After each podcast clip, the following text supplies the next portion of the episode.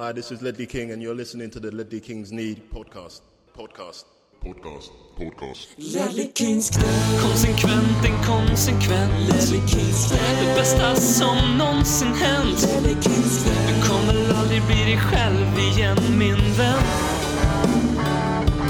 Ledley Kings knä. Här flödar hybrisen Ledley Kings knä. När vi poddar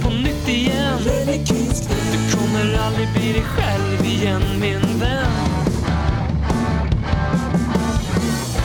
Då säger vi varmt välkomna till den svenska radioteatern om det lag i norra London som oavsett nyårsafton eller inte alltid bjuder på champagne. Champagnefotboll det vill säga. Det här är årets första avsnitt av Lelle Kings knä. Hoppas ni alla har era nyårslöften utprintade och klara för nu kör vi igång med ett nytt år. Och kom ihåg om ni står där och känner er uträknade och lite små inför världen då kan ni komma ihåg att även Phil Jones kunde resa sig och göra comeback. Robin heter jag och eh, med mig för att dra den här slipstenen den här veckan i det nya året. Då har jag ju med min trogne kompanjon här i Karlstad. Betygskonsulten Lamelas själsfrände kattälskaren. Hur går det med dina nyårslöften BM? Eh, bara bra. Det, jag kan inte outa dem i podden nu som helst för då blir faller de väl inte sanna eller vad man brukar säga. Men eh, man, trixet jag har är att sätta väldigt lätta, låga, så här, kravlösa mål. Så att varje dag blir som att lyckas så kan du liksom få en guldstjärna och sätta på kylskåpet från sambon varje dag. Finns lite Spurs-kopplar man kan göra med det kanske, men jag undviker dem. Men eh, bra att du har några nyårslöften. Du vet att det finns en eh, någon form av här statistik som visar att eh, om man outar sina mål så är det större chans att man faktiskt når dem. kan du fundera på till nästa vecka. Då får ni höra allt om, om BMs mål.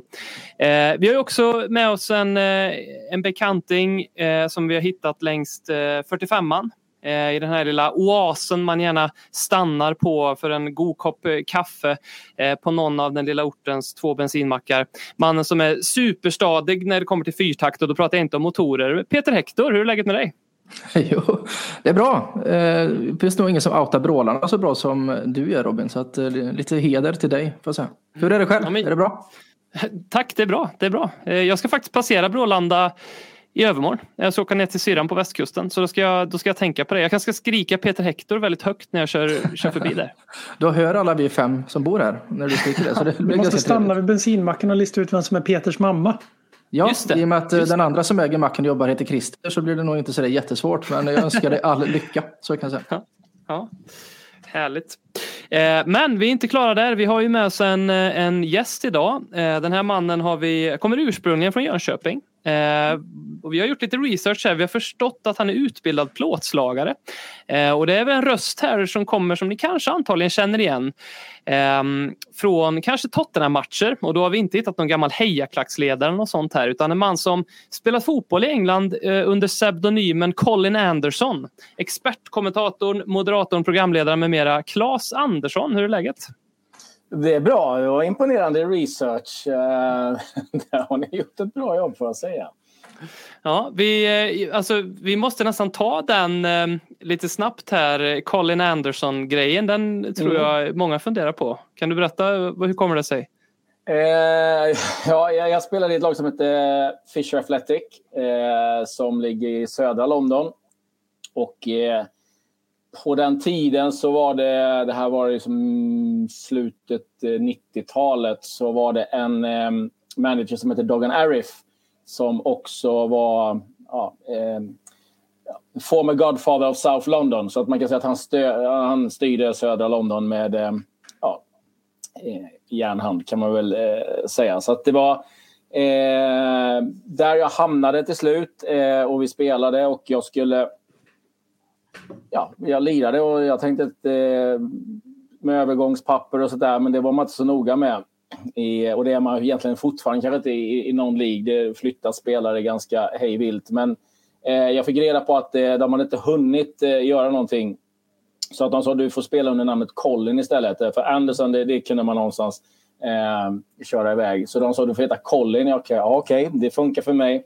Men problemet var att alla i laget säger klås, klås hela tiden. Jag bara, men Colin. Så, eh, så det, det, det, var ingen som gick på det där, men det var ingen som kollade heller. Så att, eh, därav att eh, jag fick eh, lira. Det står C. Anderson. Jag tror på något program så står det Colin eh, Anderson. Eh, men eh, det var en jäkligt rolig tid och det var kul att spela och uppleva någon League-fotbollen som eh, då någonstans är ändå liksom grundbulten, skulle jag vilja säga, i, engelsk fotboll. Man får en inblick också hur fruktansvärt stor engelsk fotboll är och hur bra den är. Alltså det var, vi pratade division 5, division 6 här, men det var spelare som var eh, otroligt bra och eh, vi ser ju att det är också allsvenska klubbar som hämtat spelare ifrån de här divisionerna. Men eh, det gick fort, det var tufft och jäkligt roligt.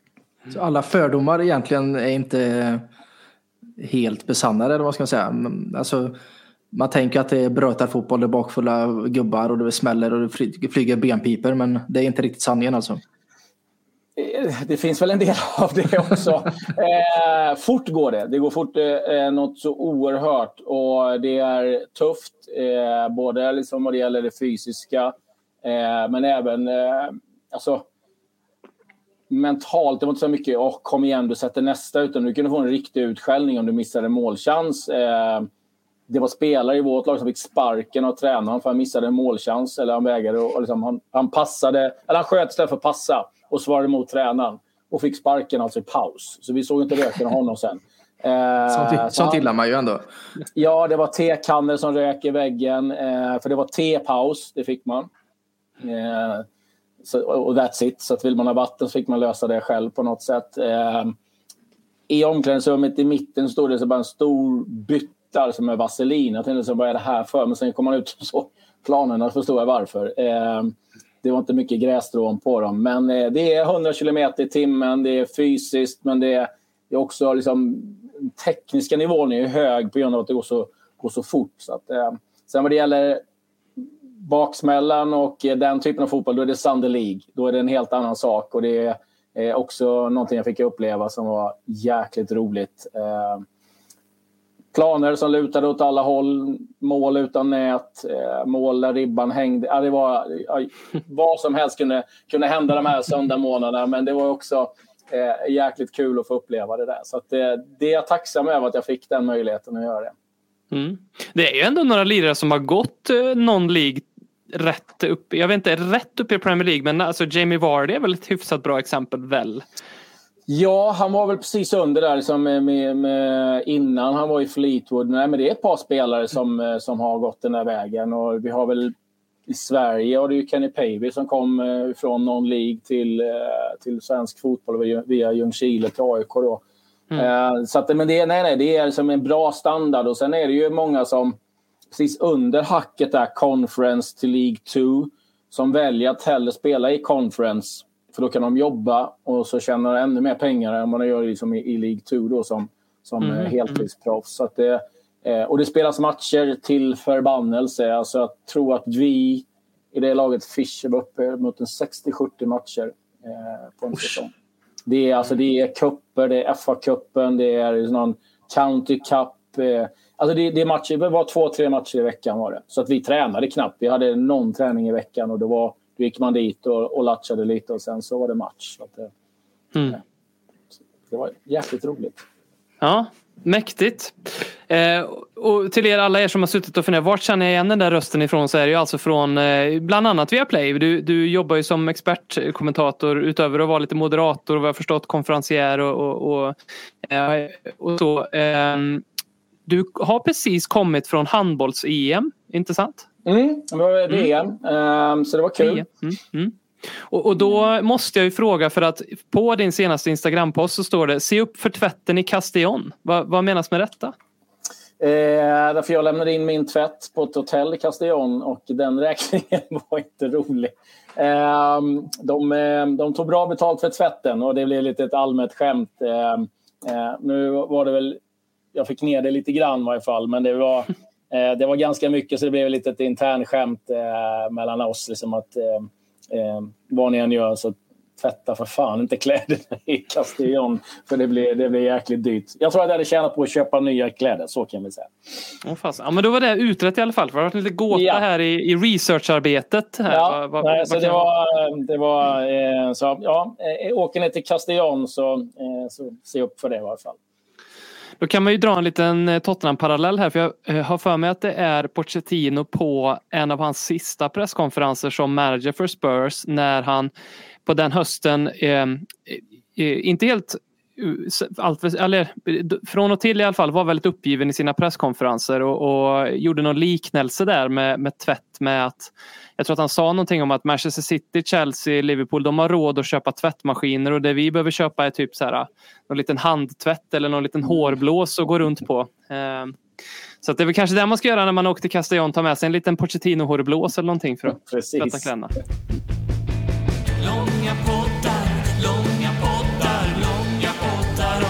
Spurs. Vi ska ju prata om din, eh, alltså dina erfarenheter som kommentator, för det tycker vi är såklart väldigt intressant och också såklart eh, din syn på Spurs idag. Du är ju inte Spurs-supporter har vi precis lärt oss. Mm. Eh, utan du håller på ett, på, ett, på ett annat lag kan vi väl säga. Eh, Ja. eh, och, och det, är, det, det är inte Arsenal eller Chelsea i alla fall så att ni behöver inte sluta lyssna ni som eh, håller på Spurs och, och hör detta. Eh, och sen ska vi prata lite januari transferfönster och, och sådana saker. Men om vi, om vi börjar med jobbet som eh, expertkommentator. Eh, och eh, hur, vad är din erfarenhet av att kommentera Spurs matcher och, och på plats och, och allt sådant? Ska vi säga att jag är kommentator så att vi inte... Eh, Ja precis, kommentator. Jag har ju sagt expertkommentator, förlåt. Det är ju min viss. Kommentator. Bojan, eh, blir, blir, kommer Bojan bli skitsur om han hör det här. eh, ja, hur det är att kommentera Tottenham. Eh, det är alltid trevligt. Eh, och eh, varit... Jag skulle faktiskt åkt till eh, nya arenan precis innan de bommade igen för hela pandemin. Så det var ju lite surt att jag missade den. Men sen så gjorde jag Tottenham... Det var Contes första match. Ja, precis. Vitesse. Contes första match. Och eh, ja, arenan är ju helt fantastisk. Nu hade vi eh, lite oflyt för att det var ju inte fullsatt. Eh, de skulle egentligen gått ner på en tredjedel av eh, arenans kapacitet. Men sen att det blev klart med Conte så ökade man upp det ytterligare. Och sen anledningen till att det inte var fullt det var för att man inte fick tag i eh, av volontärer, eller liksom, eh, folk som hjälper till med att styra. Liksom, eh, inte säkerhetsfolk, men... Eh, eh, de- Personal på arenan var det va? Ja, helt enkelt.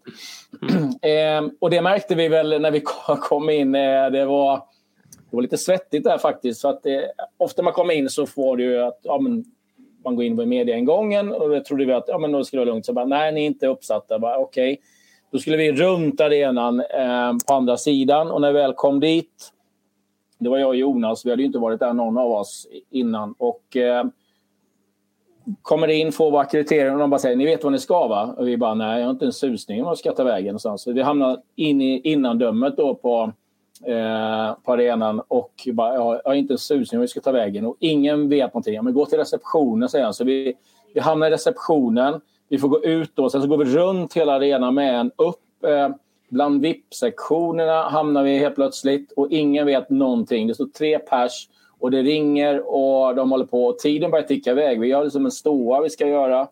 Eh, och både jag och Jonas börjar bli liksom något frustrerade av att någon jävel måste väl veta var vi ska ta vägen till slut. Eh, och det här håller på. Det, tiden tickar iväg. Jag tror att det är en tio minuter kvar tills vi har vår... Man har en slott. Eh, när du gör den här... Eh, om man står och eh, snackar inför matchen på, nere vid gräsmattan. Då har man ofta men, fem minuters slott. Och är du inte där så är den tiden förbi. Då, då, då har du ingenting. Liksom. Ehm, och efter mycket om och så tillbaka på samma ställe där vi började, där vi sa att vi inte skulle in. Men då var jag i alla fall på insidan och så började det ringas och, och jagas. Och till slut så kom den som hittade i alla fall på arenan. Så efter väldigt mycket om och men så eh, eh, kom vi rätt. Och eh, är en fantastisk arena. En otroligt eh, häftig arena. Vi satt högt upp. Eh, kallt var det. Väldigt kallt. Eh, men det vet alla som har gått på fotboll i november, december att det är Eh, kan kyla bita på en del. Men eh, annars är det fantastisk. Eh, man märker att allting är nytt. Att det är liksom gjort för fotboll eh, framför allt. Sen vet vi också att de eh, har möjlighet att göra då för NFL och byggt en smart. Vi var inne och kollade lite på det här VIP. Eh, det var Värstingen där vi var inne och kollade. de sitter bra där kan jag säga. De som eh, får den möjligheten eh, eller betalar för den. Så att det är en eh, grym arena på, på alla sätt. Och, eh, det var enkelt att jobba när man väl liksom, eh, kom på rätt plats. Och, så var det smidigt. Eh, så att, nej, det, det, det, är en arena som man känner att de har tänkt till när de byggt den, hur den ska eh, funka. Det var bra platser, du ser bra. För du kan ju ofta i England framförallt så hamnar man ofta på gantry, säger man. Det är liksom högt, högt upp. Eh, du kan för ibland få klättra ut i stort sett eh, på de här eh, ställena. Så att det är... Eh, det var kul faktiskt. Och liksom att den är tät. Man har ändå fått en så här känslan av att det är en riktig fotbollsarena. Och, äh, så det var, eh, där har ni lyckats, det kan jag säga. Eh, riktigt, eh, riktigt bra. Du såg inte skymten av ett ostrum när du strosade runt där? Nej. Så, nej, vi nej, nej, det, nej, det är bara fråga för det gick ju lite rykten om att vi skulle ha ett ostrum på arenan men det försvann ju här sen och sen är det ingen som har ströken av det. Eh. Jag tänkte lite på när Claes berättade här, han berättade om den här svåra resan fram till sin plats. Då kände jag att det var ändå en ganska, en ganska talande liknelse för Tottenhams eh, jakt på Antonio Conte eftersom vi tog en liten omväg där i somras och inte tog in Conte utan åkte in Nuno istället. Och sen till slut så blev det väldigt bra och vi fick en tränare som matchade det här eh, pampiga, fina men svårnavigerade arenan. Då, som är, det är väl Tottenham i ett nötskal, svårnavigerat men fint. Ja, nej, en bra tränare har ni fått definitivt. Eh, och det syns väl ganska tydligt på, på resultaten. Eh, så att, eh, eh spännande att följa faktiskt. Eh, du, du eh, I samband med den här Vitesse-matchen du kommenterade mm. så intervjuade du Conte efter match också. Mm. Hur, hur var det då? Nej, men det var, det var bra. Han är otroligt trevlig. Sen var det en ganska om man säger ur min synpunkt, eller vår synpunkt, en ganska gynnsam situation. För det var ju första mötet med pressen för Conte. Så att det är klart att då, vill, då fick du ganska mycket tid. Det brukar normalt sett vara när man kommer en efter match så får du ofta två frågor. Man säger du två frågor eller tre om du har tur. Uh, och de brukar vara ganska tydliga med att antingen ställer de sig vid sidan där man inte ser och så står de och gör så här. Efter fråga nummer ett, nu räcker det. Eller så står någon och knackar på ryggen väldigt hårt att nu får du inte ställa mer frågor. Så att, eh, eh klassiken är att man säger att man får två så tar man en extra. Liksom. Men eh, det brukar vara ganska tufft. Så jag fick Mora. Eh, fan var det mer? Conte fick jag. Men eh, alltså väldigt rak. Alltså det jag gillar med Conte är att han, eh, han döljer, alltså, och det ser man ju på alla presskonferenser med, med Conte, att han, han ryggar ju inte för frågorna. Han tar ju dem eh, svarar på dem, eh, funderar en del på liksom hur han ska eh, uttrycka sig. Så det är inte så att han är den som äh, men, bara glider undan och inte vill, vill ta det, även om det kan vara något som är obekvämt eh, eller sådär. Så nu har det ju gått bra givetvis och det är givetvis lättare. Men, eh men jag har också reflekterat över att han ofta tänker lite innan han svarar. Min fundering mm. har varit, är det att han är osäker på engelskan eller var han samma i Italien? Nej, men det var en italienare framför mig eh, som intervjuade honom. Och det var, han har jobbat på Sky, så att jag gissar att det var Sky Italia då för att han var väldigt eh, glad. Och man, det lilla italienska jag förstod så var det att han hälsade dem i studion och sådär. Men, eh, nej, men jag tycker att han, han, är nog sån som funderar lite på vad han ska eh, säga så att det inte bara rapas självklarheter. För det, det ska man ju komma ihåg. De här är ju eh, väldigt slipade. Nuno var ju... Det var ingen idé att intervjua honom. Alltså han var ju så tråkig så klockorna stannade. Och jag vet att till och med... Eh, press, presschef, jag, för jag gjorde Tottenham, Newcastle Tottenham när Newcastle fick sina nya ägare där. Ah, mm. Så um, då intervjuade jag Regilon blev det till slut. För övrigt eh, otroligt eh, eh, skön lirare. Men eh, då vet jag att han som skötte pressen, han sa vi skiter i Nuno. Bara, ja, det, det gör vi. För att det, ja, men han vill inte, så här, oavsett, jag har ju sett honom så mycket i Wolverhampton också. Det spelar liksom ingen roll om de vann med 4-0 eller om det gick dåligt. Det var liksom ändå bara... Nej, han ville inte prata, han ville inte ge någonting. Och jag tycker att det det är han själv som förlorar. För att jag menar, ni som då håller på Tottenham vill ju höra vad hans fundering är. Vad, han måste ju ha en agenda när han ställer sig vid, vid en mikrofon på en presskonferens. Vilket budskap vill jag ha till, till laget? Vilket budskap vill jag skicka till mina fans? Eller till klubbens fans, eh, sponsorer? Alltså, alla runt om. Det är liksom där du kan styra agendan. Men han, så att det, var ju bara, nej, ingenting. Har du någon som spelare i Spurs? Alltså Regulon ser du väldigt skön och Lucas Moura, men men har du någon i Tottenham, det behöver inte vara nu eller det kan vara längre tillbaka i tiden, någon som var lite Nuno-aktig eller någon som inte var lätt att intervjua på något sätt? Eh, Alltså Harry Kane känns ju inte som en, alltså han känns ju lite åt Nuno-hållet. Alltså oerhört slipad givetvis, men han är ju inte, all, han är inte alltid någon som är så här flärdfull och bjuder på sig själv mycket intervjuer på det, på det sättet, eller? Eh, nej, alltså, men han har gjort det så mycket så att det blir liksom att han vet um, vad han ska säga någonstans. Liksom det, blir, så det är som du säger, det är inte så att man eh, känner wow, eh, här händer det grejer. Eh, Sonny är ju liksom rätt skön. Eh, jag försöker komma på vilka jag som intervjuat, men det är...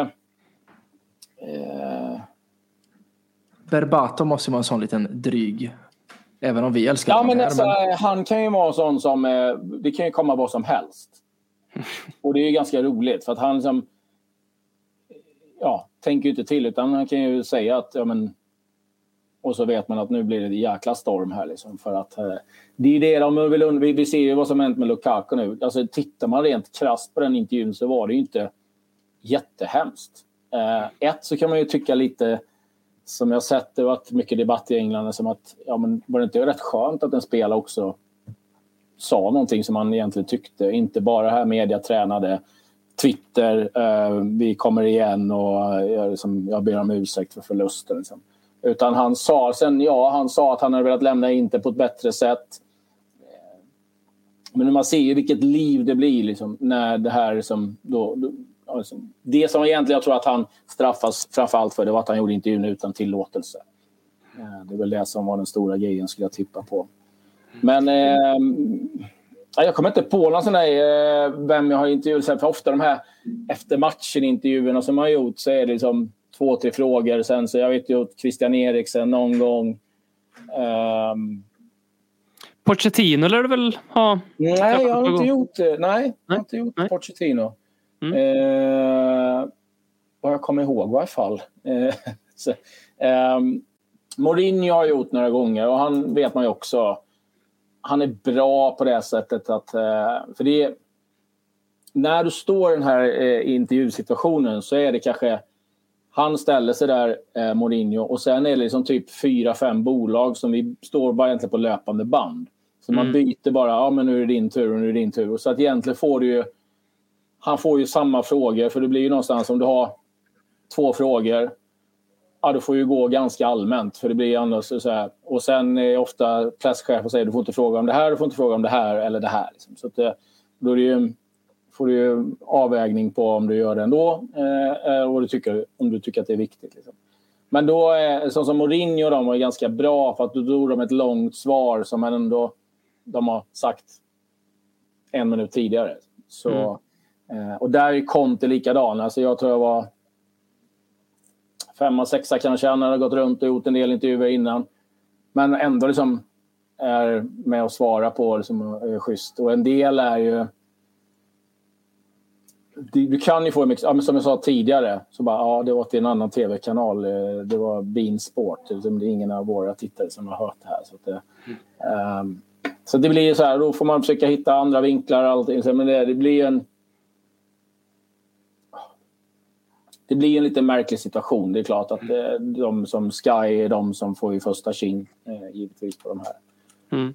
Men det, det är ju verkligen som en del, som vi har varit inne på här, en del av jobbet, en del av rollen som manager att kunna, för jag, jag, jag beundras ju lite grann när jag hör det här av då eh, Conte, Mourinho-typen som liksom, det är klart att de, de spenderar väldigt gärna den tiden efter match på ett annat sätt än att stå och rabbla samma svar 71 gånger. Mm. Liksom.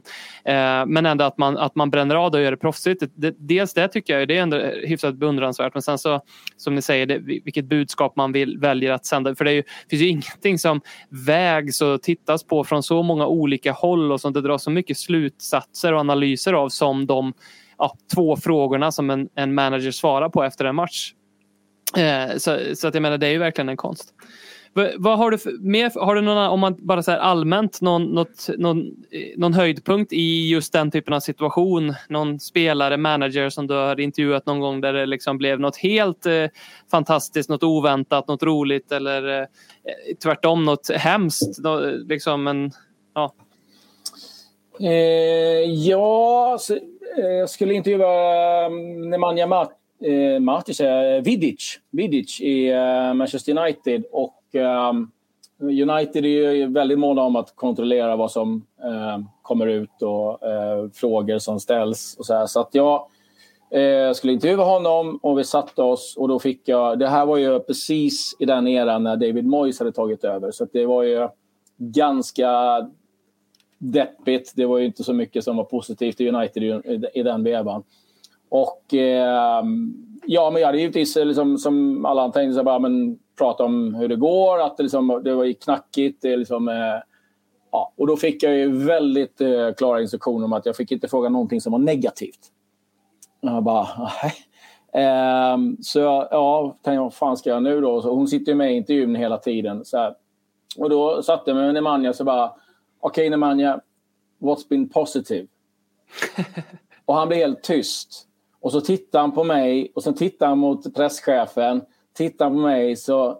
Ja, that's a good question. Och så tittar han mot henne igen och så jag, jag tänkte du behöver inte svara nu för jag har fått alla mina svar jag behöver. Så att, där gick hon in och sabbade egentligen för sig själv. För, för, då hade jag, så här, för det var lätt att gå och bara, men det har inte gått dåligt. Då hade han ju bara rabblat det gamla vanliga. Nu bara, men vad har varit positivt? Och han satt och funderade skitlänge. Ja, Champions League har varit okej okay, i varje fall. Vad han fick, fick ut till slut. Och då var det så här, ja, men jag, nu kan jag packa upp för nu är min intervju klar. Och det var ju tack vare att hon hade gått in och, och, och styrt det där. Men de sitter ju med sina klockor och de harklar. Så man får ju vara beredd på att eh, liksom, ta tiden själv för att ha koll på att nu eh, vi har tio minuter. Eh, så det är ju liksom mycket eh, den typen. Men sen, vad har hänt annars?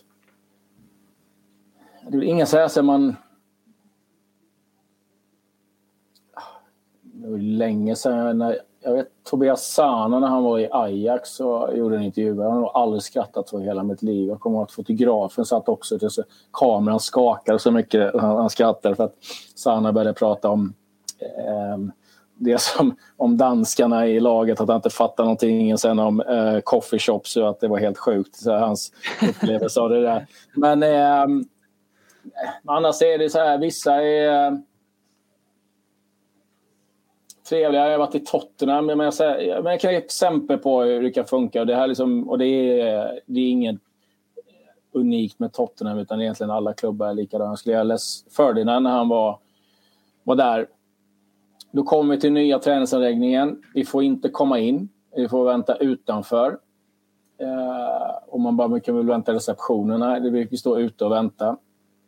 Och eh, sen när vi väl släpps in så ja, men då gör vi intervjun och sen så tänker jag men vi tar lite bilder på byggnaden och så på, på några planer. Men det fick vi inte göra. Vi fick inte ta några bilder på, på planer. Men man har världens finaste anläggning. Vi vill bara visa att ni har en otroligt fin anläggning.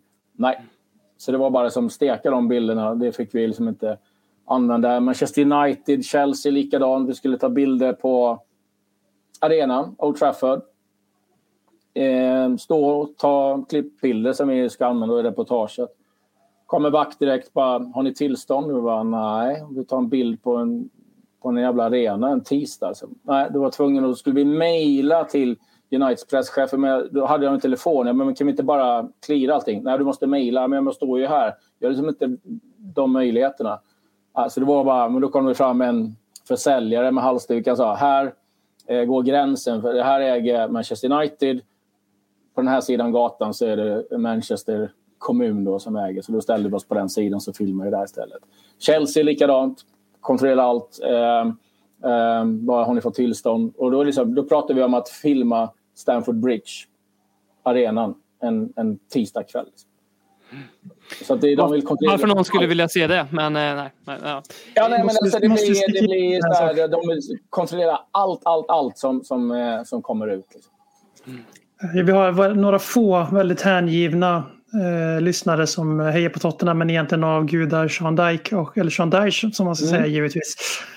Och Burnley. Och då måste jag, för deras skull här så måste jag fråga, är Burnley bättre på sånt här än vad storklubbarna är? Ja, det skulle jag nog säga att de är, för de behöver det mycket mer. Alltså, topp 6-klubbarna i England, de behöver inte. Eh, de vet att de får, de får sin uppmärksamhet ändå. Burnley, Watford, den typen av klubbar, eh, Crystal Palace, ja det är lättare. Eh, på grund av att de är lite mer beroende av eh, eh, att få den liksom, uppmärksamheten eh, kring. Så att det är liksom svårare för dem att tränga igenom i, liksom i, en, i en stor tidning eller så på, på Sky i England eller som att vi pratar eh, Burnley. Men jag är själv jag älskar Sean Deitch. Eh, och det finns ju en pub som heter The, The Royal Dyche. Jag vet inte om ni känner till det Nej. eh, i Turf Moor. Eh, en fo- fotograf eh, i England som jag jobbar med som berättar, de har gjort ett reportage på den här. Så att om ni googlar Royal Dyche så jag tror det finns till och med då har här, typ satt Dyche med en kungatrone. Eh, alltså det ser sjukt roligt ut. Men det här är typ- Älskvärt får man säga. Ja, eh, vid Turf Moor. Eh, och det är en ganska ruffig pub. Alltså det är inte en av de finare etablissemangen. Men eh, då var de i alla fall och gjorde ett eh, reportage där. Och, och då säger hon, eh, landlorden för puben, att de vill göra lite mer, ja, eh, lite finare. Eh, och de har döpt och deras dröm var att Deitch skulle komma förbi och ta någon öl där gång. Han, jag vet själv att han är rätt trött på att han är inte jättesugen på att gå dit. Men då berättar fotografen när de är där, det här är typ en, men, en onsdag, de är runt lunch. Då sitter liksom två gubbar och kör som jägerbombs vid lunch. Man bara, ah, jag vet inte riktigt om ni lyckas med att få det här som, som ett flashigt ställe. Men eh, The Royal Dyche. Eh, så jag och Bojan brukar skoja om att fan, vi måste ju åka och ta en eh, bira på The Royal Dyche i varje fall. Eh, Men och Sean Dyche då? Hur, hur är han? han alltså, Ja, men han är ju, alltså jag tror inte jag intervjuat honom, men jag gillar ju hans... Alltså men han någonstans med fötterna på jorden. Jag vet inte om ni såg hans eh, presskonferens här nu angående det här player wealth. För man bara, men...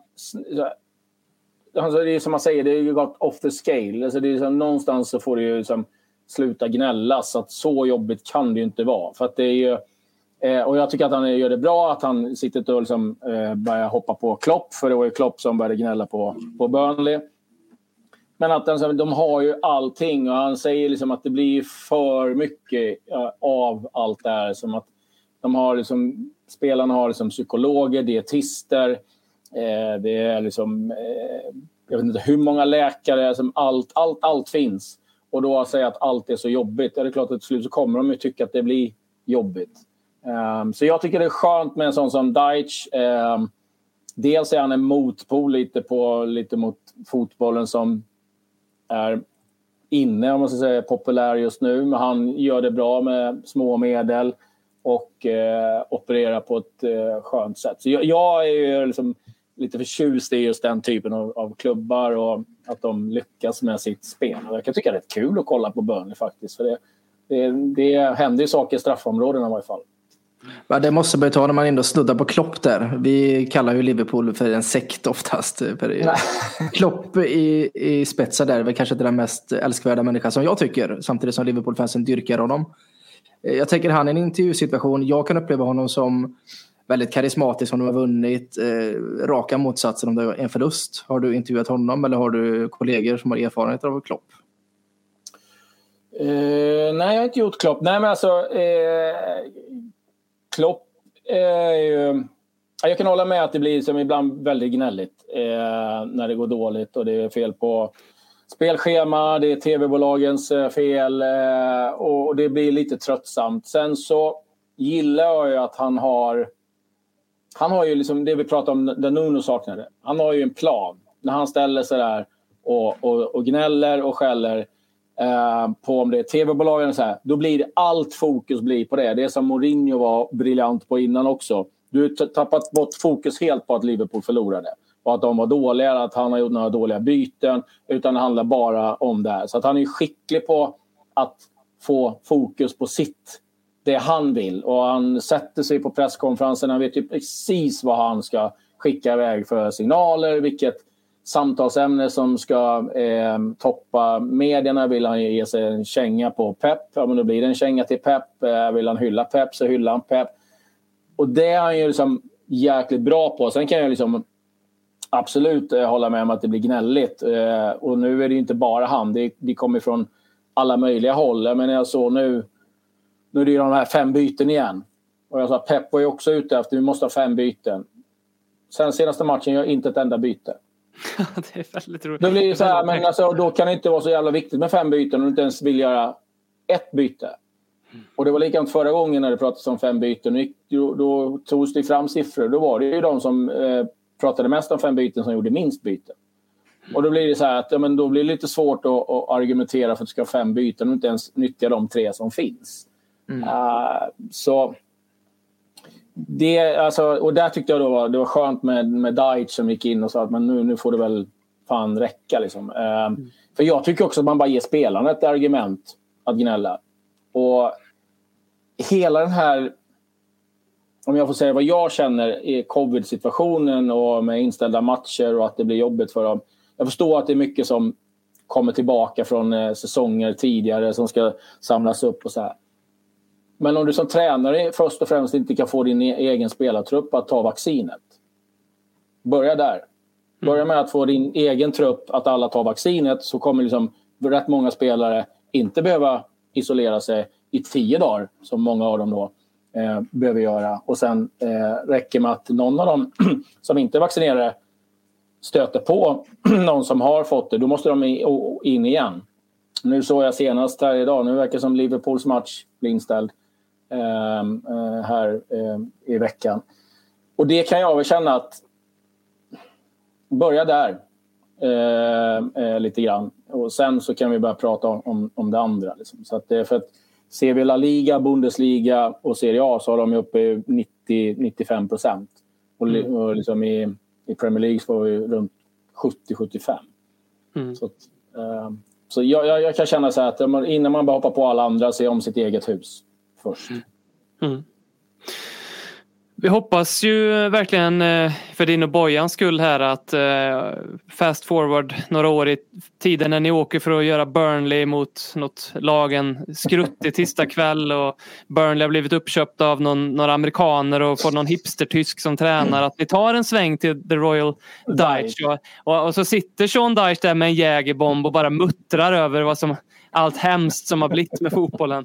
Det känns ja, då, ska, som att... då, då ska jag bjuda han på en jägerbomb. Billigare än knark Roligare än terapi Ledley Kings knä för den du redan är men också för den du vill vad, eh, vi, vi, vi, klick, vi kollar lite nutid och Spurs eh, här och nu, eh, Claes. Vad är din uppfattning om Tottenham 4 januari 2022?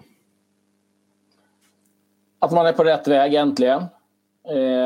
Efter en, en hel del märkliga turer de senaste åren. Jag vet inte riktigt hur de har tänkt eller hur Daniel Levy tänkte väl kanske eh, det första. Eh, dels kan jag väl känna att med Pochettino så tog de någonstans slut. Så att jag vet inte liksom att ja, om Port skulle vara kvar, vilket jag förstår att eh, alla Tottenham-fans, i alla fall 99, ville. Ja, då var han ju tvungen liksom att göra om hela truppen. Men tittar man, eh, som, som jag känner i alla fall, så var ju stora delar av truppen redan rätt utbränd under Pochettino. Så att det är ju att sen Mourinho de inte får ut någonting av den. Det, fick, det var ju ganska många som inte... Eh, eh ja, jag kände, de hade behövt göra om mycket den truppen i alla fall om man skulle få fart på den. Eh, sen absolut tror jag att det bästa hade varit om som Pochettino varit kvar och han hade fått bygga laget som han eh, ville ha. Det hade nog i sista änden sparat ganska mycket pengar på, tror jag, eh, Tottenham. Sen är ju... Sen hur de har liksom jobbat efter det jag fattar inte jag. Liksom. Eh, det är som att ta in Mourinho. Man vet vad man får med Mourinho. Vilken typ av fotboll han står för. Vilken typ av eh, personlighet han är. Um, jag förstod ju att en del i, i, truppen älskar att jobba med Mourinho. Kane var ju ganska tydlig med att han han, han trivdes med liksom att det kom hög. Eh, en del gjorde det inte. Men sen när man sparkar Mourinho Alltså det är för mig ibland ett av de märkligaste besluten någonsin. Alltså det, är det någon tränare jag skulle vilja ha i en final mot Pep så är det ju Mourinho. Som kan då gå in och, och liksom göra en matchplan för att förstöra och sen vinna. Ja, då sparkar man honom en vecka innan så tar man in Ryan Mason. Alltså, det var ju som att bara slänga ut godis till lejonet. Det var ju klart långt innan den här matchen spelades. Och att sen då ta in Nuno. Jag fattar ingenting av den. För att du inte vill ha Mourinho, då tar du inte in en sämre kopia av samma typ av fotboll. För att Wolverhampton det var ingen fröjd att se eh, sista ett och ett halvt åren. Det var ganska trist. Det var eh, låga block, eh, kontringsfotboll. Så att jag, jag fattar inte riktigt vad han ville. Liksom, och då får du liksom köpa spelare för den typen av tränare. Alltså det var liksom, så jag vet inte riktigt. Och särskilt med eh, uttalandet här hade då Danny Levy med att du skulle spela Tottenham fotboll och så värvar man eh, Nuno.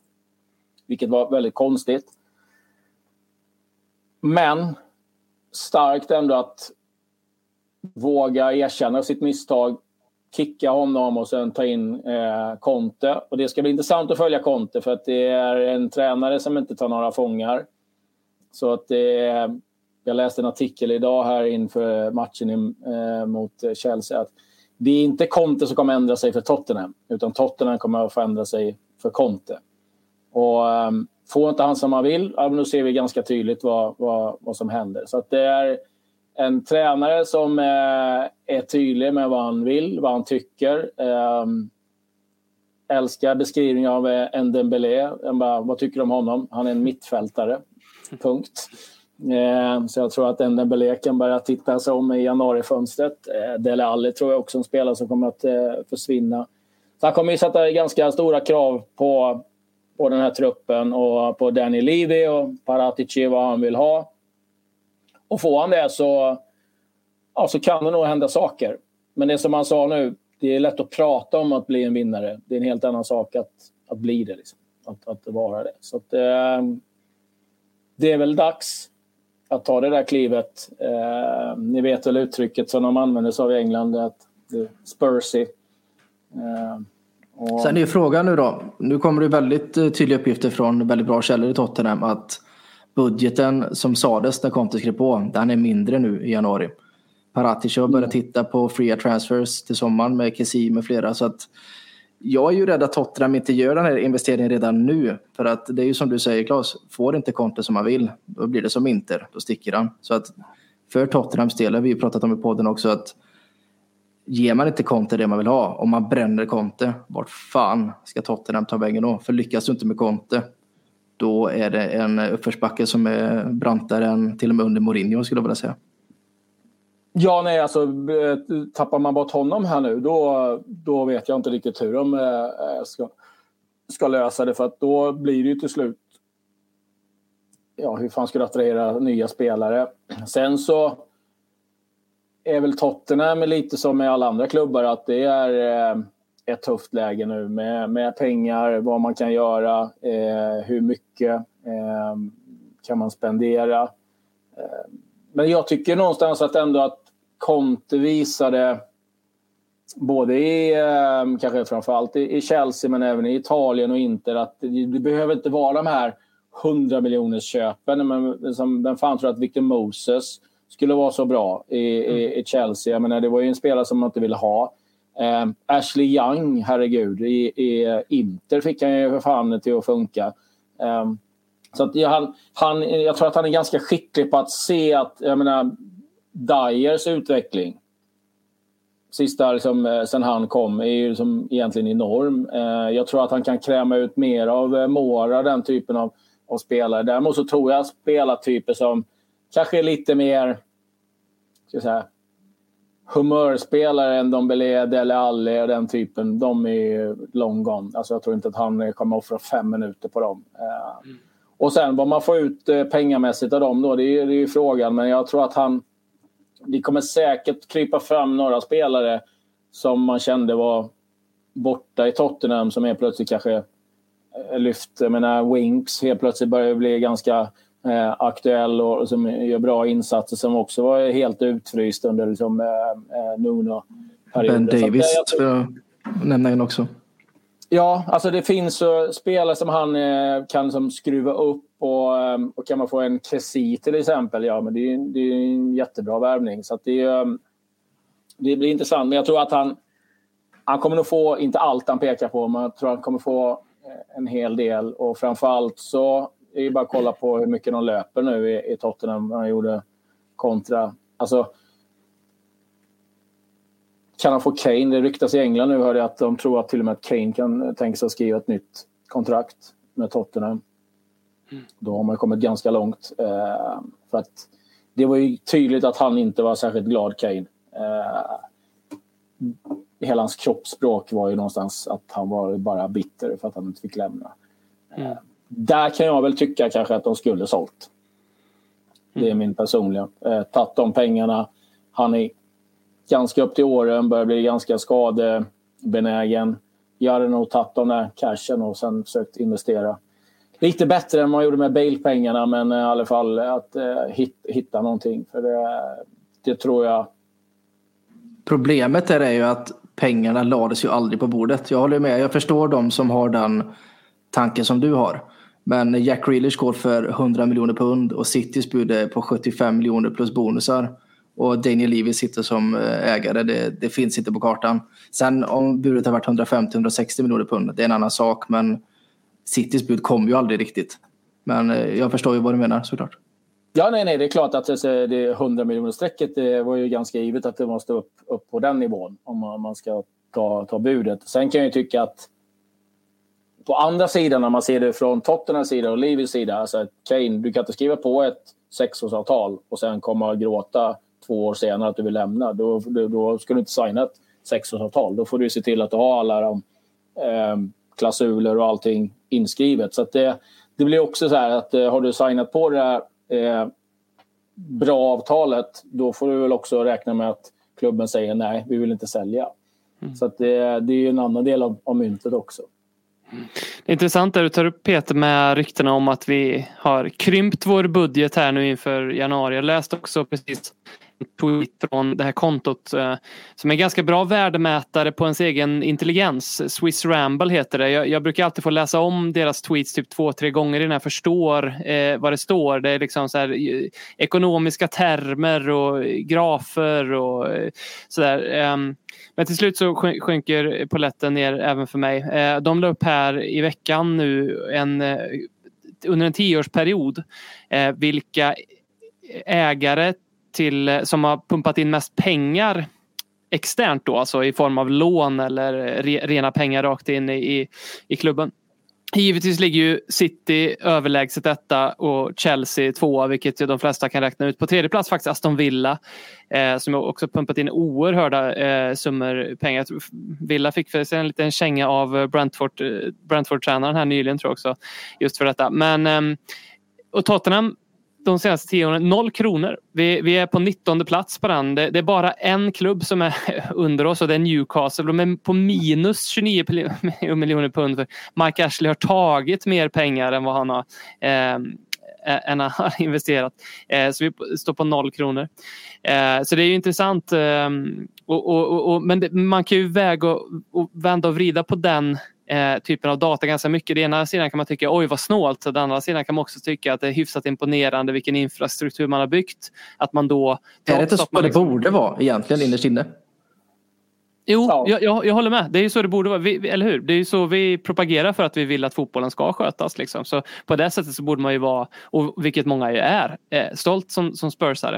Eh, för jag tycker det alltid är ganska tråkigt när man läser det där. Och så här mycket pengar har Joe Lewis och Daniel Levy. Ja, det är deras pengar. Det är strunt samma i. Alltså, deras livskall är inte att ge så mycket pengar de bara kan till Tottenham Hotspur. Eh, så att, eh, men, men- men att man kan attrahera en Conte, att man kan hålla kvar en Kane i en klubb där man inte har pumpat in några pengar. Det är ganska imponerande. Bygga en Eh. arena för 10 miljarder i en eh, pandemi. Det är också ganska imponerande faktiskt. Eller strax efter. Mm. Eh, BM, det, vi har ju spelat lite fotbollsmatcher också. Eh, bland annat en sån där eh, när man blir påminn om hur mycket han älskar den här sporten när man vinner i absolut sista minuten. Eh, Axel Sandbräck sk- skickade in en fråga här. Tror du att vi tar topp fyra? Tror och tror. Eh, det är nu jag ser, ett av mina nyårslöften var ju att eh, jag vet att Tottenham kommer. Nej. Nej men tror och tror, det är väldigt tidigt att säga. Det jag vill säga om matcherna kort bara är att det var väldigt gnälligt på Tottenham efter de här två matcherna medan eh, allting jag såg var ett lag som för två månader sedan, för det är ju två månader och två dagar sedan Conte skrev på för Tottenham, inte kunde föra matcher ens mot ett Watford eller Southampton med tio man. Eh, nu kan vi det, sen så är det ju sista tredjedelen kanske inte glödhet att se när vi möter boxarlag eller handbollsförsvar. Men eh, fyra poäng som borde varit sex poäng och hade vi gjort de här matcherna hundra gånger om så tror jag de sa i extra inch att vi hade vunnit 92 gånger av 100 mot Watford och 96 gånger av 100 mot eh, Southampton. Så bara, bara där, liksom, det är där fjärdeplatsen lever och dör. Kan vi hitta den här sista passningen i tredjedelen kan vi hitta någon spelare som kan komma in, låsa upp handbollsförsvaret, för då vet det fan nu vilket lag som ska stoppa oss med tanke på hur United ser ut och att Arsenal flyger högt som attan men samtidigt går på nitar så fort de möter ett lag på övre halvan. Och eh, det är det den här månaden kommer bevisa för Spurs. För att vi har ju faktiskt inte mött så många lag på övre halvan sen Conte tog över. Så att, eh, helt ärligt så tycker jag att eh, 51-49 fördel Tottenham och sen Arsenal 49 då. Och sen United, ja, det är ett riktigt wildcard i sammanhanget. Claes, tror du Tottenham tar topp fyra? Det är så jäkla svårt. Det är... eh,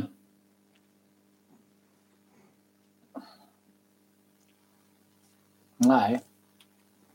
Jag tror att eh, United med, med sin trupp till slut på något sätt kommer få styr på det. Även om inte mycket talar för det just nu så um,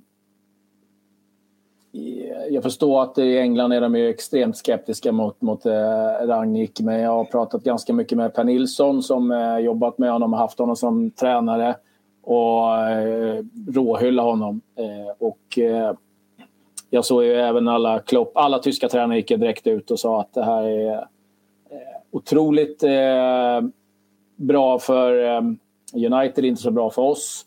Jag hade en eh, jag var med ett seminarium om, eh, om akademi eh, utbildning och sådär. Då var Mertesacker med i Arsenal.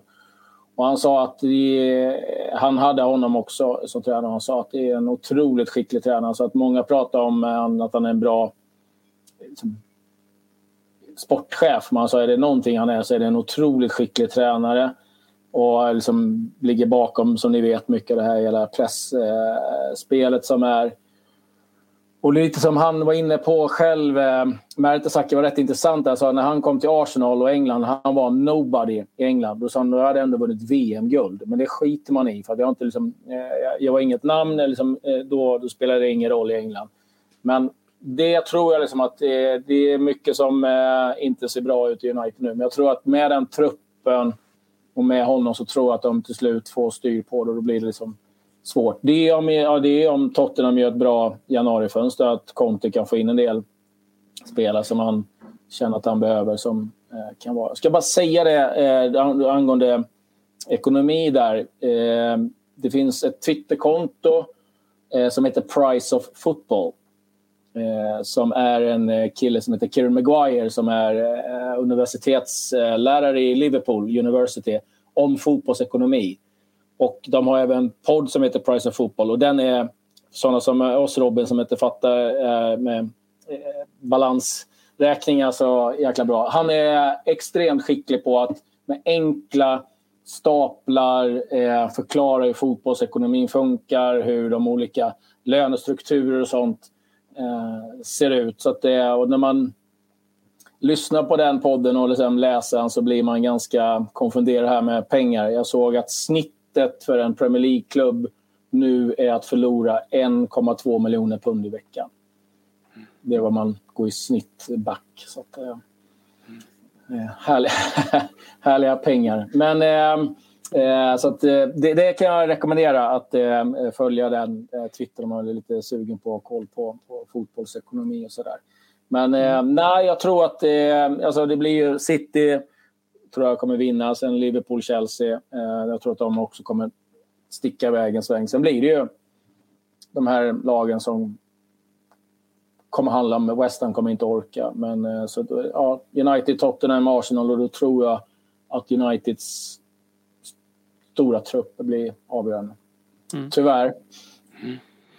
Vi var inne på januari-transferfönstret här och snuddade. Eh, och då har vi några Dels sipprade ut lite svensk rykten här i veckan. Jag, jag hade lite svårt att navigera i där om det verkligen var någon substans i det eller om det var som det ofta är lite önsketänkande med en svensk touch. Dejan Kulusevski Svanberg, Alexander Isak. Alla verkar helt plötsligt röra på sig och alla verkar också, som det väldigt ofta är med Tottenham, att alla verkar ryktas till, till Tottenham. Vi är ju nya tidens Rom. Förr gick alla vägar till Rom. Nu går alla spelare till Tottenham, i alla fall i, i transfertider.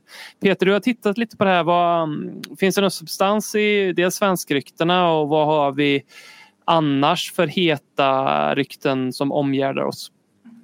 Ja, Kolosevski, det är ju Gazetten och Corriere dello Sport vad jag har sett som, eh, det är ju ändå ganska stora tidningar i Italien.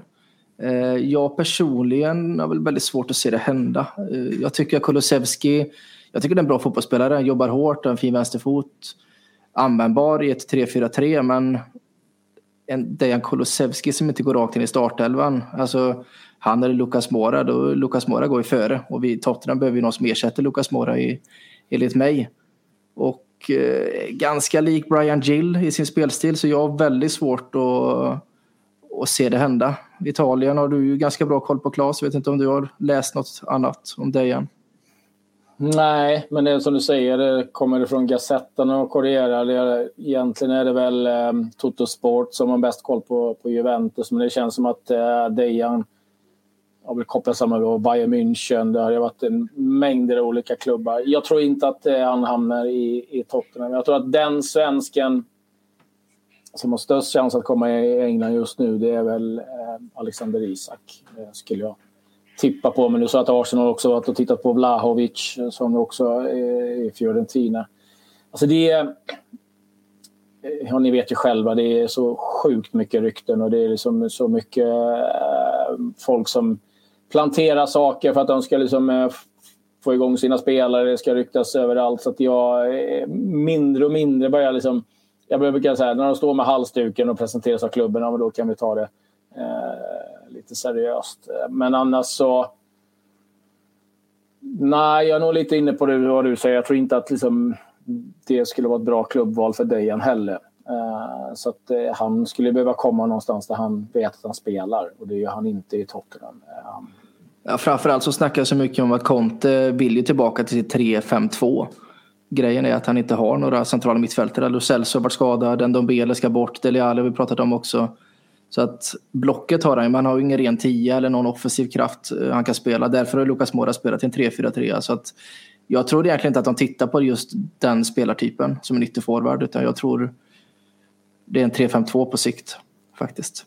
Det, det som gör mig lite orolig med det här Coutinho-ryktet. Eh, att vi tittar på en sån spelartyp för att Coutinho, när, när presterade han senast? BM, ge mig något klokt svar.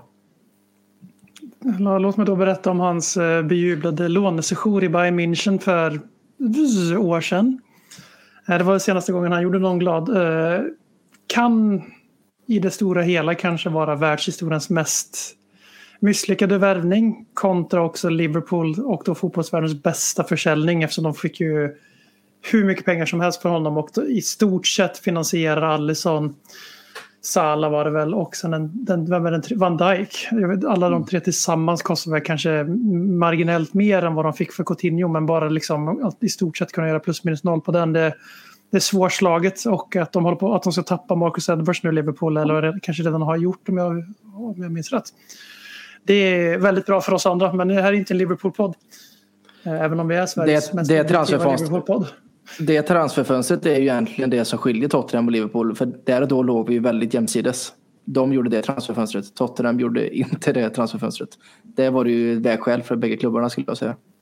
Mm. Och när vi gjorde vårt sånt fönster så blev det en Dombele, Lo Celso och Sessignon. Och det är inte riktigt lika lyckat än kanske men just det här med Coutinho är att jag blir också lite orolig för att han har fortfarande ryktet. Det är klart att det finns väldigt mycket bra fotboll kvar i honom någonstans också. Jag, är inte den här som riktigt tror att det liksom helt försvinner och man kan inte göra någonting bra när man har gått ner sig. Men det är att han har- i alla fall två- historiskt har gillat att göra sådana här värvningar. Det, här, det skulle ju kunna bli 31 januari van de Fart-grejen men eh, inte med Conte som manager hoppas och tror jag i alla fall. Nej, han har 2 plus 0 på 16 matcher i Barca i år, tittar jag. Eh, Lucas Mora-siffror för, eh, för eh, två poängen mot, vilka var det? Vilka fan var det vi slog när vi faktiskt gjorde mål, mer än ett mål? Det borde man ju komma jag, ihåg. alltså, jag vet att det, det är väl inte helt populärt i, bland Tottenham, men ryktet som du pratade med Traore där. Eh, Så jag känner att det är en spelare, ja, nej siffrorna är ju inte roliga, eh, men samtidigt vad har Wolverhampton gjort? Var det 13, 14 mål va? Det är en jäkla skillnad också att spela fram bollar in till Harry Kane och Son mot eh, Raúl Jiménez som eh, fortfarande egentligen letar efter, efter formen eller en eh, Trincao. Alltså det är också så här, assistgrejer tycker jag som är alltid är lite farligt att titta på. Det. Man kanske hur mycket chanser skapar han? Eh, eh han skapar ju oreda i målet eh, igår är ju egentligen en, en frukt av det, vad han gör eh, från början. Sen får inte han en assist på, på grund av att det nickas undan av försvarare och sen kommer målet. Eh, det är en spelare, sen kanske inte det är någon wingback-spelare, men det är ju en spelare som fan med ställer till oreda när han kommer in. Det är ju något speciellt med honom, för det är ju de siffrorna som man pratar om. Sen är det ju, om du ser att du möter Wolverhampton och de byter in Adama Traoré, då får man ju kalla kårar varje gång. För man vet ju att han är ju... Ja, nej, det kan hända precis vad som helst och, och egentligen åt alla håll. Men är det någon som känns som att kan coacha honom och, och lära honom så är det ju någonstans kanske en, en kontertränare som kan skruva ut det där liksom sista som gör att han tar rätt beslut, att han är på rätt position. Och då har du ju en spelare som helt plötsligt kan vara väldigt jobbig att möta tillsammans med en sån, med en Kane, med en Mora. Det är ju som ingen det är inte en kvartett man skulle drömma om att ställa sig mot som försvarare. Nej. Jag skulle kunna tänka att vi, alltså, kan vi punga upp 25 miljoner pund bara för att slippa eh, eventuellt möta honom när vi leder med 1-0 och ska försöka hålla det på Molineux, då är jag nöjd. Eh, Fast grejen är nu att de här stora journalisterna går ju väldigt isär. Fabrizio Romano säger ju senast några timmar sedan att Tottenham är, inte, de är sugna på Traore. De vill lägga ett bud och nypa i januari. Eh, Dan som har väldigt bra koll på Tottenham säger att eh, de kommer inte släppa honom i januari. Och det är framförallt inga 20 miljoner pund utan det är jättehög summa. Nu går kontraktet ut 2023 tror jag så att eh, vad kan det vara 35-40 miljoner pund. Eh, Så att det ska bli intressant att se det. Det är två stora journalister som har väldigt bra koll som säger olika saker. Så att det ska bli kul att, att, att följa. Men eh, Adama Traoré i, i mitt Tottenham, jag, jag är väldigt tveksam.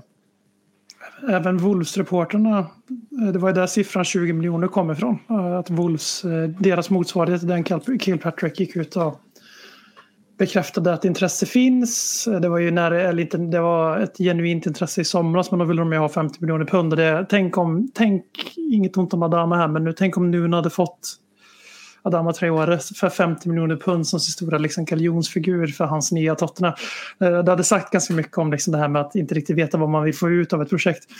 Eh, Men eh, han är ju en sån där spelare som siffror säger det kanske, eller rent de svartvita siffrorna säger ta inte in honom. Men eh, jag minns ju tillbaka när vi mötte dem i, tidigt under säsongen. och såg igår inhoppet han gör. Liksom, och det här är en sån där spelare som jag bara gillar att titta på när han spelar fotboll. Det är, bara, det, det är kul att se vad han ska göra. Och det är inte, liksom inte, jätte, inte bara roligt att ha fotbollsrobotar utan det är ju faktiskt lite roligt att ha ja, lite kaos på planen också och det är ju någonting han garanterar och jag förväntar mig att hans namn kommer att kopplas samman med Spurs tills fönstret stänger. Om inte han blir klar tidigare. Då. Mm. Det är klart att du hellre har en sån spelare än Steven Bergwijn eller eh, liknande så. Det, det håller jag med om. Men eh, mycket med eh, Traore, det handlar ju om prislappen. Allt över 20 miljoner pund tycker jag är absolut inte. Skulle du få honom för 15-20 då, då är det en annan sak. Men det är fortfarande liksom, han är ju en fin ytterforward i 3-4-3. Men eh, ska vi spela det? Jag, jag är osäker. Sen har vi fler rykten i Wolverhampton. Det är ju att eh, Matt Doherty, eh, Wolverhampton vill ha tillbaka honom. Och Tottenham är jätteglada att släppa honom. Och Peter Hector är fantastiskt glad över att släppa honom. Så kan jag säga. Vad tänker Wolverhampton i frågan där? De, De tänker ser att väl- de vill göra Irlands landslag en tjänst. Det här är ändå en Irlands bästa fotbollsspelare i stort sett, vilket säger ganska mycket om mitt eh, systerfolks eh, förfall. Är inte Robbie Keane längre, utan nu är det Matt Doherty som är fixstjärnan. Fast det börjar snackas mer om han målvakten i City som är utlånad till Pompey nu, Bazunu. Men jag vet inte. eh, Det säger att de vet att de kan få en habil Premier League-spelare där medan i Tottenham så har vi fått en habil Championship-spelare av Matt Doherty. Ja, han kostar Men- ungefär lika så mycket som en Championship-spelare gör också. Så det, det är ingen katastrofvärvning på det planet men fan, inte trodde jag att en etablerad Premier League-spelare skulle gå in och vara ja, rent objektivt sett en av de sämsta värvningar jag gjort rent sportsligt. Ek- ekonomiskt är det ju ingen fara men sportsligt har det ju varit alltså becksvart. Ja, det är bland det värre man har sett på en fotbollsplan i Premier League i en Tottenham-tröja. Utan, utan problem alltså. Sen kom det ju rykten idag om eh, Romagnoli och De Frey. Deras kontrakt går ut i sommar. Eh, Paratic i koppling till Serie A. Eh, Vem är förvånad? Kessie också. Sägs vilja ha 160 000 pund i veckan. Ganska roligt rykte idag. Hans kontrakt går ut i sommar. Tottenham har alltså erbjudit en, en Dombele i utbyte. Ni får honom gratis. Vi får Kessie i januari. Det blir ett byte och Milan säger nej. Det vill vi inte. Och då ska det tilläggas att han ska på afrikanska mästerskapen. Han är tillbaka någon gång i början på mars. De kommer inte kunna använda honom på länge. Men sen om det är någon sanningshalt i det, det vet jag inte. Men det säger ganska mycket om en Ndombele som sitter på 200 000 pund i veckan i Tottenham. Så vem, vem kan ta honom? Det är inte många klubbar. Snacka om Roma. Eh, kan inte se Mourinho vilja ha in en Ndombele i Roma. Inte en chans. Du som inte håller på, på Tottenham, Claes, och följer liksom, vad, din känsla kring Ndombele, vad är den? Ja, det är väl att det är en spelare där det finns eh, mycket potential. När han är eh, bra så, så är han ju liksom väldigt bra, men det, är- det händer ju lite för sällan. Så att det är en spelare som man inte riktigt kan lita på. Eh, finns väl en del tveksamheter, tjänster kring hans fysiska status och då bör man väl också ifrågasätta Um, hur sugen och driven han är egentligen på att spela uh, och vilja vara där han, han bör vara. Så att det, för mig är det alltid en varningsflagg när liksom man inte ens kan hålla sin fysiska status i ordning. Uh, för det finns ju alla förutsättningar och det är det lättaste som finns. Alltså, teknik, alltså, det är det svåra att, att träna upp sin kondition eller hålla vikten ska ju inte vara eh, det tuffaste i de här sammanhangen. Så, men det är som du, du ni är inne på det. Vem, vem ska ta lönen? Vi ser ju Umtiti i Barcelona vägrar ju flytta på sig för han vet att jag får inte de här pengarna någon annanstans. Och um, det, det är där klubbarna sitter nu i, i svåra sitser. Så att antingen så ger du spelare långa kontrakt. Sett i Arsenal hur det har funkat med Özil och Aubameyang. Eh, ja, du har liksom Kane som eh, då liksom surar och är ganska, liksom, tror jag, drar ner stämningen ganska rejält under en period där. Eh, alternativt så har du ju de som skriver kortare kontrakt. Och då nu så det var Ja, det var ganska många bra spelare som eh, satt på utgående kontrakt. Mbappé till exempel kan gå gratis eh, i nästa år. Och där har du ju klubbarna då svårigheter med hur de ska göra. Och som Ndombele sitter där och vet att den lönen han har nu, den får han inte i Italien eller Tyskland. Helt omöjligt att han får de pengarna. Och det är ju ingen annan i Premier League av de övriga topplagen som vill ha honom. Så då tror jag att de kommer sitta med honom. Alternativt skicka iväg och sen får de betala hälften av lönen. Eller någonting. Precis. Det snack att de Ja. eh, vill låna ut honom med köpoption där de eh, bara kan tänka sig 20 miljoner euro. En spelare vi betalar 60, 65 för va? Om jag inte minns fel. Eh, och så ser man... Han, vad, vad hände med han? Jill? Jag hoppade till häromdagen när jag såg han dök upp. Hoppa in bara. Wow. Är han kvar? Skada och covid har han haft. Eh, Men det är, det är alltså sett i parentes då. 20 miljoner euro, vad är det? 17 miljoner pund? Det är Ja. vad Tottenham vill ha. Och det- Nu ser jag på Twitter att Newcastle köper Kieran Trippier för 12 miljoner pund. Ja, han är klar nu. Ja, det är ett here we go nu. Eh, Tottenham vill ha 6 miljoner pund för Car- Carter Wickers. Men man vill ha 17 för Ndombele. Det är, det är svårt att greppa, men det är lönen som styr. Det är ju ingen som kan ta den. Nej, och sen nu sitter ju eh, Newcastle lite i panik. Eh, Ja, det ska bli intressant att se vilka spelare de till slut får. Där går det också rykten från Tottenham att de är sugna på att låna både Dele Alli och Joe Rodon. Roden kan jag förstå. Uh, Dele Alli, eh, om jag hade varit Newcastle så är det inte riktigt spelaren som jag hade haft överst på min önskelista om det gäller att slåss för ett kontrakt. Då är kanske inte Dele Alli den första jag hade eh, slängt ut. Eh, men eh, de, ham- jag tror att Newcastle kommer få stora problem. De kommer få köpa spelare som de egentligen inte behöver. Mm. Eh, eller som de inte ska ha. Eh, Trippier, ja det kan vara bra. Eh, men de kommer ju behöva styra upp eh, väldigt mycket saker och, och, och ting i den här klubben innan den funkar. Så att, eh, men ja, nej, det, är, det är ett svårt fönster. Och vem ska man ta? Vem passar? Jag menar, vi pratade, ni pratade lite om eh, eh, Doherty här. Och jag gjorde han ganska mycket i Wolverhampton och när, när Tottenham köpte honom tyckte jag att det var en, en riktigt bra värvning. För jag tyckte han var jäkligt bra i Wolverhampton. Men det är som ni säger, det har inte funkat alls. Men det kan ju vara så att när han kommer tillbaka till Wolves så klickar han in på en Mm, gång. ja. Så det är vissa spelare som inte... Det går inte i vissa klubbar helt enkelt. Eh, Nej. Så Det roligaste ryktet vi har nu som BM älskar över allt annat det är ju att Conte verkar ju vara jättebesviken på Golini, vår reservmålvakt och sägs vilja bryta det här kontraktet i januari. Är målvakt som eh, BM eh, håller lika högt som Dorothy som utspelare ungefär. Så att det ska bli lite kul att följa BM. Ja, alltså. Jag trodde inte att det skulle vara möjligt att sakna Joe Hart eller skalet liket av Joe Hart som vi hade som reservmålvakt förra säsongen. Men de är ju ungefär samma målvakt. De släpper in allting som inte en eh, division 5 målvakt gör, alltså i någon liga i England. Och eh, sen har ju Golini till skillnad från Johart, en, eh, en, inte, jag ska inte säga andlighet, men alltså en personlighet som så här, det, klickar om du, om du är bra. Annars så, så du behöver vara bra om du ska vara rappare på fritiden. Och du, sen måste jag säga att när han sitter på bänken, alltså notera nu mina kära lyssnare här, att när ni ser honom på bänken, kolla på hans ögon. Alltså för han har småbarnsförälders ringer under ögonen varje match. Alltså jag har aldrig sett, alltså han ser tröttare ut än vad, än vad Robin gör en lördag morgon när hans dotter har varit vaken hela natten. Och varför vet jag inte, för fotboll spelar han ju inte. Så att, eh, det skulle vara väldigt skönt, väldigt skönt att bli av med denna målvakt som inte kan rädda någonting. Som inte, jag tänker nästan säga som inte Hector kan rädda, men jag vet inte hur vass han är med mål så jag vågar inte. Jag känner- ett eh, släktskap med Golini här nu helt plötsligt. Eh, jag känner att jag förstår honom på ett helt annat plan. Så eh, vill Justice for Pierre Luigi. Vi...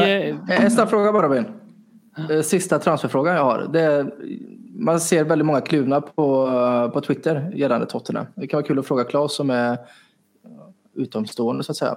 Många vill ha Dusan Vlahovic i, till Tottenham. Tottenham är sugna på Vlahovic, det vet vi. Paratici gillar honom, Conte gillar honom. Eh, många skriker liksom köp in eh, Vlahovic nu. Att vi måste ha honom. Eh, jag är ju en sån att jag gillar Vlahovic. Men ska vi spela med två forwards så spelar vi med Kane och Son. Spelar du med tre forwards så kan du inte använda varken Kane eller Vlahovic som en ytterforward. Eh, köpa in Vlahovic nu och sälja Kane i sommar, det är ju en sak då. Men det verkar ju Tottenham inte sådär sugna på. Vad, vad ser du en sån som Vlahovic? Eh, Tottenham eller är det Arsenal eller är det Real Madrid med Benzema? Eller vad, vad tror du? Nej, jag, jag kan inte se han i Tottenham. Alltså, dels, eh, precis som anledningen du nämner, eh, hur ska de spela? Ska de spela med två forwards? Eh, I sådana fall, vad, vad sätter du sån då? Eh, Vlahovic som nu då gör succé och gör mål, spelar. han sätter sig aldrig i en situation där han får spela andra fiolen till Kane. Eh, han sätter sig inte i andra fiolen till Benzema, tror jag inte heller. Eh, de klubbarna han tittar på, är det så, Arsenal, ja men det är ju perfekt. Eh, finns ingen renodlad striker. Eh, där vet han att han kommer få speltid. Eh, det kan ju vara en spelare som möjligtvis... Eh,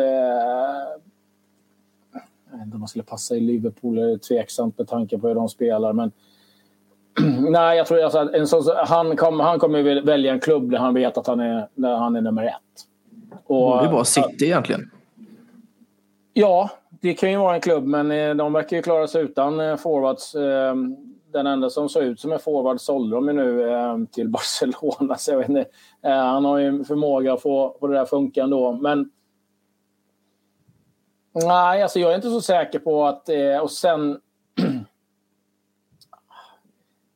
Har han verkligen bevisat att han håller den nivån att han kan gå in och smälla in 20-25 mål i, i Premier League? Det vet jag inte riktigt om han har, om han har gjort eh, riktigt än. Så att det är, jag tror att klubbarna har en del frågetecken kring att liksom lägga hur mycket pengar som helst på, på Vlahovic också. Och Jag menar, du köper inte en spelare för 70, 80, 90 miljoner pund även om Premier League har mycket pengar att sätta på bänken. Nej, Utom Manchester City och Grealish. Ja, är- nej, men de har, de har de pengarna. Sen är ju grejen med Vlahovic, kontraktet går ut 2023. Det är snack om 70 miljoner euro nu. Sommar, vad kan det kosta? 50 miljoner pund. Det var vad Arsenal har för Partey typ. Så att Arsenal tror jag är Men Arsenal jättesugna. till fyra så eh, hamnar Dusan Vlahovic i Arsenal. Det är jag ganska övertygad om. Om inte, om inte vår plan är att sälja Kane och han får veta det då. Att vi kommer att sälja Kane. Det, vi tar inte, du, du ska vara Kane. Mm. Annars är det, det är Arsenal för honom och de, det är det enda laget kan se. Om inte City vill lägga på- 50 miljoner. Ja, precis. Men han verkar inte vara alls en pepp-spelare. Alltså, som du säger Claes, han vill inte spela med nia. Eh, nu väljer han att spela med Gabriel Jesus, vilket är också ett stort frågetecken. Men, eh, Arsenal är nog Vlahovic eller Isak. Är jag rädd, för det har varit två väldigt bra värvningar hos våra grannar. Ja, nej, det kommer hända mycket. Så du har ju, vad tar Haaland vägen? Vad ska Real Madrid varva? Vad ska Barcelona ta in? För nu har de ju gått ut och sagt att eh, helt plötsligt har de ju pengar igen. Hur de hittar dem vet jag inte. Ehm, Juventus lär väl vara ganska sugna på att, att rusta. Och, ehm, Plockar de Icardi nu va? Läste om att det var ett lån på Icardi till Juve. Ja, sen har du ju PSG. Vet man inte riktigt heller vad de... Om Mbappé försvinner, är de sugna på en, en Vlahovic då? Alltså det, eh, det kommer bli en, eh, en, en sommar som blir intressant i varje fall. Eh, så att det är ganska många som rör på sig. Eh, Bayern München bör väl snart titta på. Eh, Lewandowski börjar komma upp lite till åren. Så vad ska de hitta på? Eh. Vlahovic som ersättare till Haaland hade varit eh, ganska intressant faktiskt i Dortmund.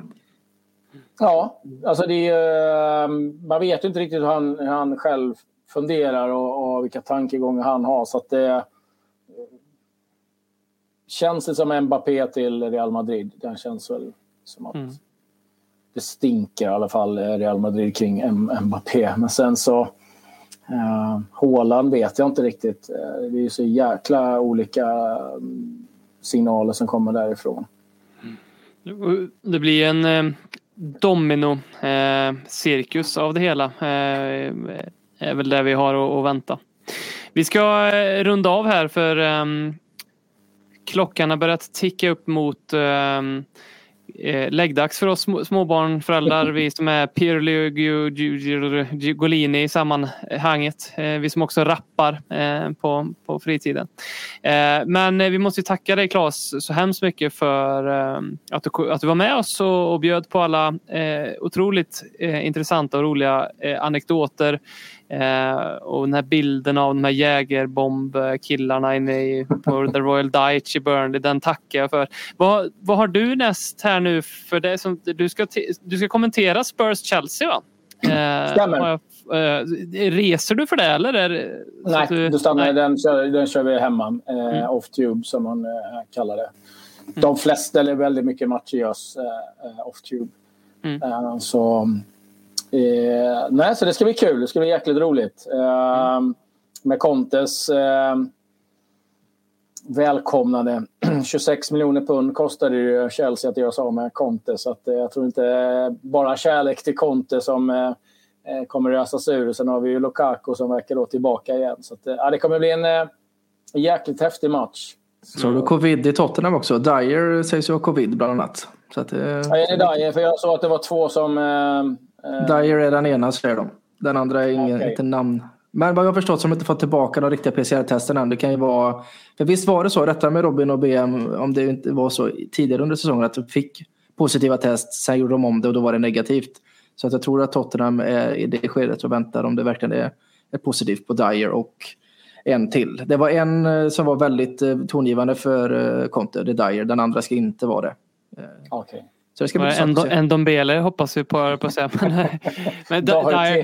Dyer, ja, Doherty, vi, vi, Dyer behöver vi. Vi, vi minns ju eh, toalettpappersincidenten från förra eh, cupmötet med Chelsea. Eh, så han är ju i de sammanhangen eh, viktig.